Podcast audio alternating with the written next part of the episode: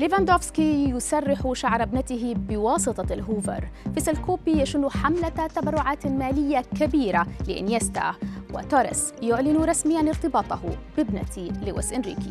هذه الأخبار وغيرها تتابعونها على العربية بودكاست. من منا لم يتابع اليوم اللغط الدائر حول اختيار تشكيلة عام 2021 والانتقادات العديدة التي طالت حفل جوائز The Best وسط هذا انتشر اليوم على ال social media فيديو يبرز وبشكل غريب ومضحك عجز أفضل لاعب في العالم للعام الثاني على التوالي تسريح شعر ابنته الصغيرة. ليفاندوفسكي لجأ إلى الهوفر أو ما يعرف بالمكنسة الكهربائية كحل لمعضلته. وبحسب الفيديو يبدو أن هذه الطريقة قد لاقت استحسان استحسانا من قبل الطفلة الصغيرة التي استسلمت بهدوء للأمر.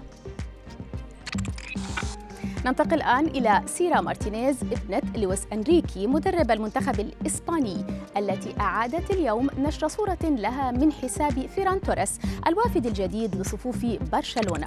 هذه الصورة التي ترونها أعزائي المشاهدين أظهر توريس دعمه لسيرا وفي الوقت نفسه أعلن ارتباطه الرسمي بها والتي كانت ولفترة طويلة مجرد تكهنات صحفية.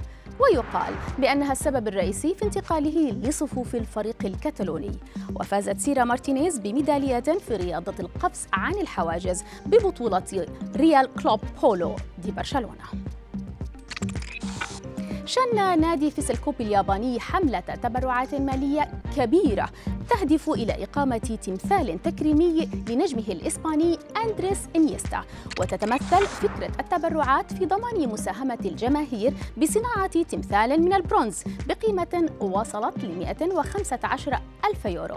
إنيستا يتمتع بشعبية كبيرة في اليابان حيث تقدر عائدته المالية السنوية بحسب المحللين لأكثر من 100 مليون دولار. الختام مع المدرب الإسباني بيب غوارديولا الذي تصدر اسمه مواقع التواصل الاجتماعي. مدرب مانشستر سيتي الإنجليزي نشر عبر حسابه على الإنستغرام صورة تبرز اسمه كترند اليوم بمناسبة بلوغه عام الواحد والخمسين.